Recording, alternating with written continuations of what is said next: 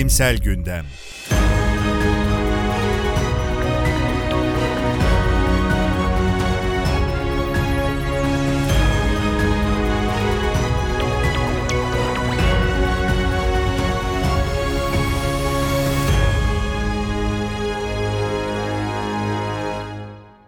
Abdi İbrahim'in hazırladığı Bilimsel Gündem'in 47. sayısına hoş geldiniz.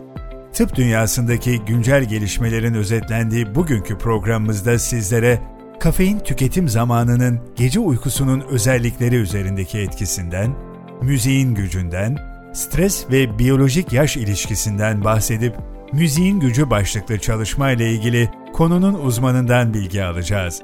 Ardından iz bırakanlar köşemizde New York Bilimler Akademisi'ne Türkiye'den seçilen ilk üye olan Profesör Doktor Ayhan Okçuoğlu Çavdar'ı tanıyacağız. Başlıyoruz. İlk haberimiz son kafein. Bir meta analizde yatmadan önceki kafein tüketim zamanının gece uykusunun özellikleri üzerindeki etkisi araştırıldı. Kafein tüketimi toplam uyku süresini 45 dakika ve uyku verimliliğini %7 azalttı uyku başlangıcı gecikmesinde 9 dakika ve uyku başlangıcından sonra uyanmada 12 dakika artışa neden oldu. Hafif uykunun süresinin kafein alımıyla artarken, derin uykunun süresinin kafein alımıyla azaldığı gösterildi. Çalışmaya göre toplam uyku süresinde azalmayı önlemek için kahve yatmadan en az 8.8 saat önce tüketilmelidir. Bu çalışmanın sonuçları uyku üzerindeki zararlı etkileri azaltmak için hem doz hem de tüketim zamanlaması açısından uygun kafein tüketimi için kanıta dayalı rehberlik sağlamaktadır. Bu makale Science Direct'te yayımlanmıştır.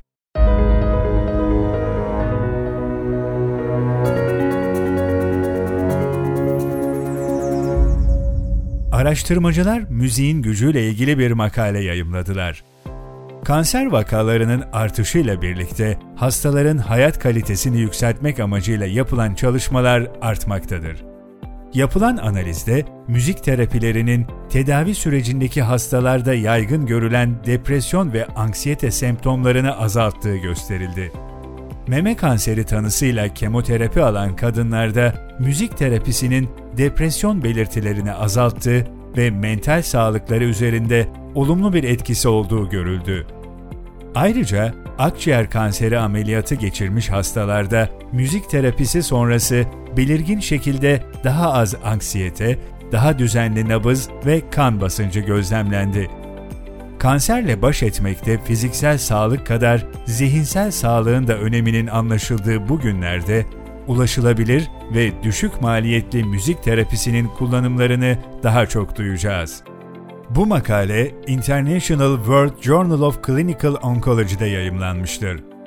Konuyla ilgili Avrupa Müzik Terapi Konfederasyonu'ndan uzman müzik terapisti Özgür Salur'un yorumlarına yer vereceğiz.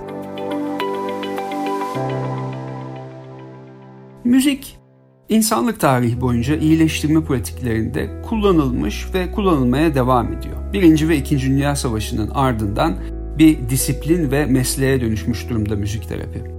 Esadiye'nin ve Nurbu'nun kanser tanılı kişilerde müzik uygulamalarının anksiyete ve depresyon üzerine etkisi üzerine gerçekleştirdiği taramada da literatüre müziğin faydalarının yansıdığını gözlemlemişler. Tabi burada kanserde intihara bağlı mortalitenin artıyor oluşunu ve müziğin bunun düşmesi yönünde bir umut vaat ettiğini yazmaları da belki müzik terapi araştırmalarına gelecekte yön verebilecek bir alan aslında müzik uygulamalarını bir çerçeve içinde görmek mümkün ve üç ayrı dalı var. Biri müzik terapi, müzik terapistler tarafından uygulanıyor. Müzik terapistler psikoterapiye benzer bir eğitim alıyorlar ve derin çalışmaları içeriyor. Diğeri müzik tıbbı. Müzik tıbbı sağlık personelleri tarafından uygulanıyor. Örneğin bir operasyonun öncesinde, esnasında veya sonrasında veya bir uygulamanın diyaliz gibi, kemoterapi gibi öncesinde ya da esnasında veya sonrasında müzik dinletilmesini buna örnek olarak gösterebiliriz. Veya müzisyenlerin uyguladığı müzikal uygulamaları. Bu da üçüncü dal. Müzikal uygulamalar, örneğin koro çalışmaları hastanelerde veya lobilerde müzik yapma bunu görebiliriz. 2021 yılında güncellenen bir Cochrane araştırmasında Brad Dileo ve ekibinin müzik terapi ve diğer müzik uygulamalarını araştırdığını görüyoruz kanserle çalışılan durumlarda. Bunlarda müzik uygulamalarında anksiyete, depresyon gibi değerlerin düşüşüne ek olarak umut, ağrı algısı ve kalp atış sayısı, kan basıncı gibi göstergelerde de iyileşme gözlemliyoruz. Müzik terapide buna ek olarak hayat kalitesi ve yorgunluk seviyesinin de iyileştiğini gözlemlemişler. Müziği, müzik terapi veya diğer uygulamalarla hayatımıza dahil etmek bu yan etkisi olmayan mevhumu iyileştirme pratiklerine biraz daha yerleştirmek önümüzdeki dönemde açılmayan kapıları da açılır kılabilir diye düşünüyorum.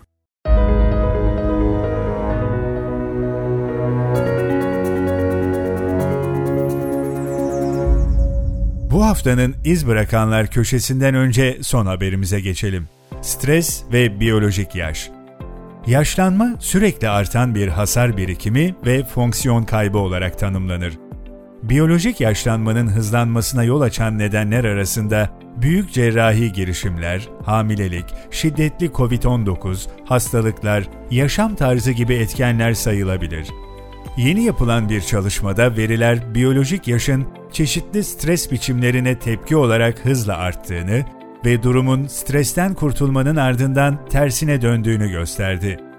Biyolojik yaş ve stres ilişkisi ileride yapılacak çalışmalar için yol göstericidir.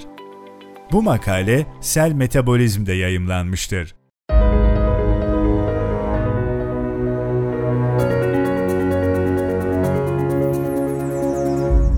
Programımızın son kısmı iz bırakanlar köşemizde New York Bilimler Akademisi'ne Türkiye'den seçilen ilk üye olan Profesör Doktor Ayhan Okçuoğlu Çavdar'ı tanıyacağız.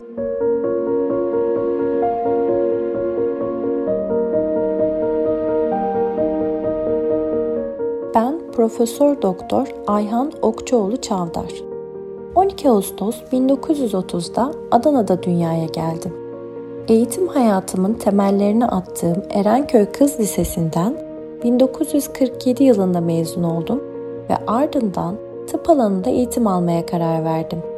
1953 yılında Ankara Üniversitesi Tıp Fakültesinden dereceyle mezun oldum ve ardından uzmanlık eğitimine başlamak üzere aynı fakültenin çocuk sağlığı ve hastalıkları kliniğine katıldım.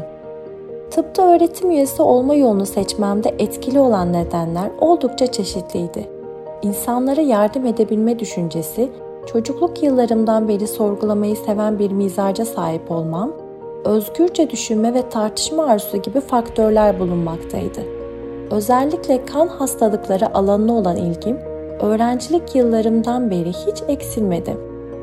1958 yılında uzmanlık sonrasında yurt dışına giderek Washington Üniversitesi Çocuk Hastanesi Klinik Hematoloji Onkoloji bölümünde 3 yıl boyunca fellow olarak çalıştım. Ankara Üniversitesi Tıp Fakültesi Pediatri Kliniğinde 1961 yılında doçent ünvanını ardından 1966 yılında profesör ünvanını aldım. Washington Üniversitesi'ne geçirdiğim süre zarfında Profesör Doktor Virginia Minich ile birlikte Barnes Hospital'da laboratuvar çalışmaları yaptık. Daha sonra Profesör Minich'i Türkiye'ye davet ederek bilim dalımızın ilk araştırma laboratuvarını kurduk. TÜBİTAK desteğiyle pediatrik hematoloji ve onkoloji ile çinko eksikliği birimlerini oluşturarak bu birimlerin başkanlığını üstlendim. 1987 yılında Ankara Üniversitesi Rektörlüğü'ne bağlı olarak Pediatrik Hematoloji ve Onkoloji Araştırma Merkezi'ni kurarak merkezin başkanlığını yürüttüm. 1993 yılında Türkiye Bilimler Akademisi'nin kurucu üyesi oldum ve aynı yıl TÜBA Başkanı olarak seçildim. Ayrıca Amerikan Pediatri Akademisi'ne üyelik kazandım ve New York Bilimler Akademisi'ne Türkiye'den seçilen ilk üye olarak kabul edildim. Hayatımın her döneminde bilim ve öğrenme yolculuğuna katkı sağlama arzusu beni yönlendiren temel etmenlerdendi.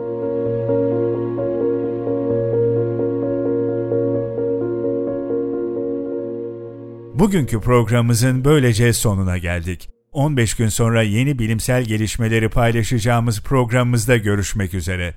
Bizleri Spotify, YouTube, Google Podcast ve Anchor resmi hesaplarımızdan takip edebilir, abone olarak yeni sayılar yayınlandığında bildirim alabilirsiniz.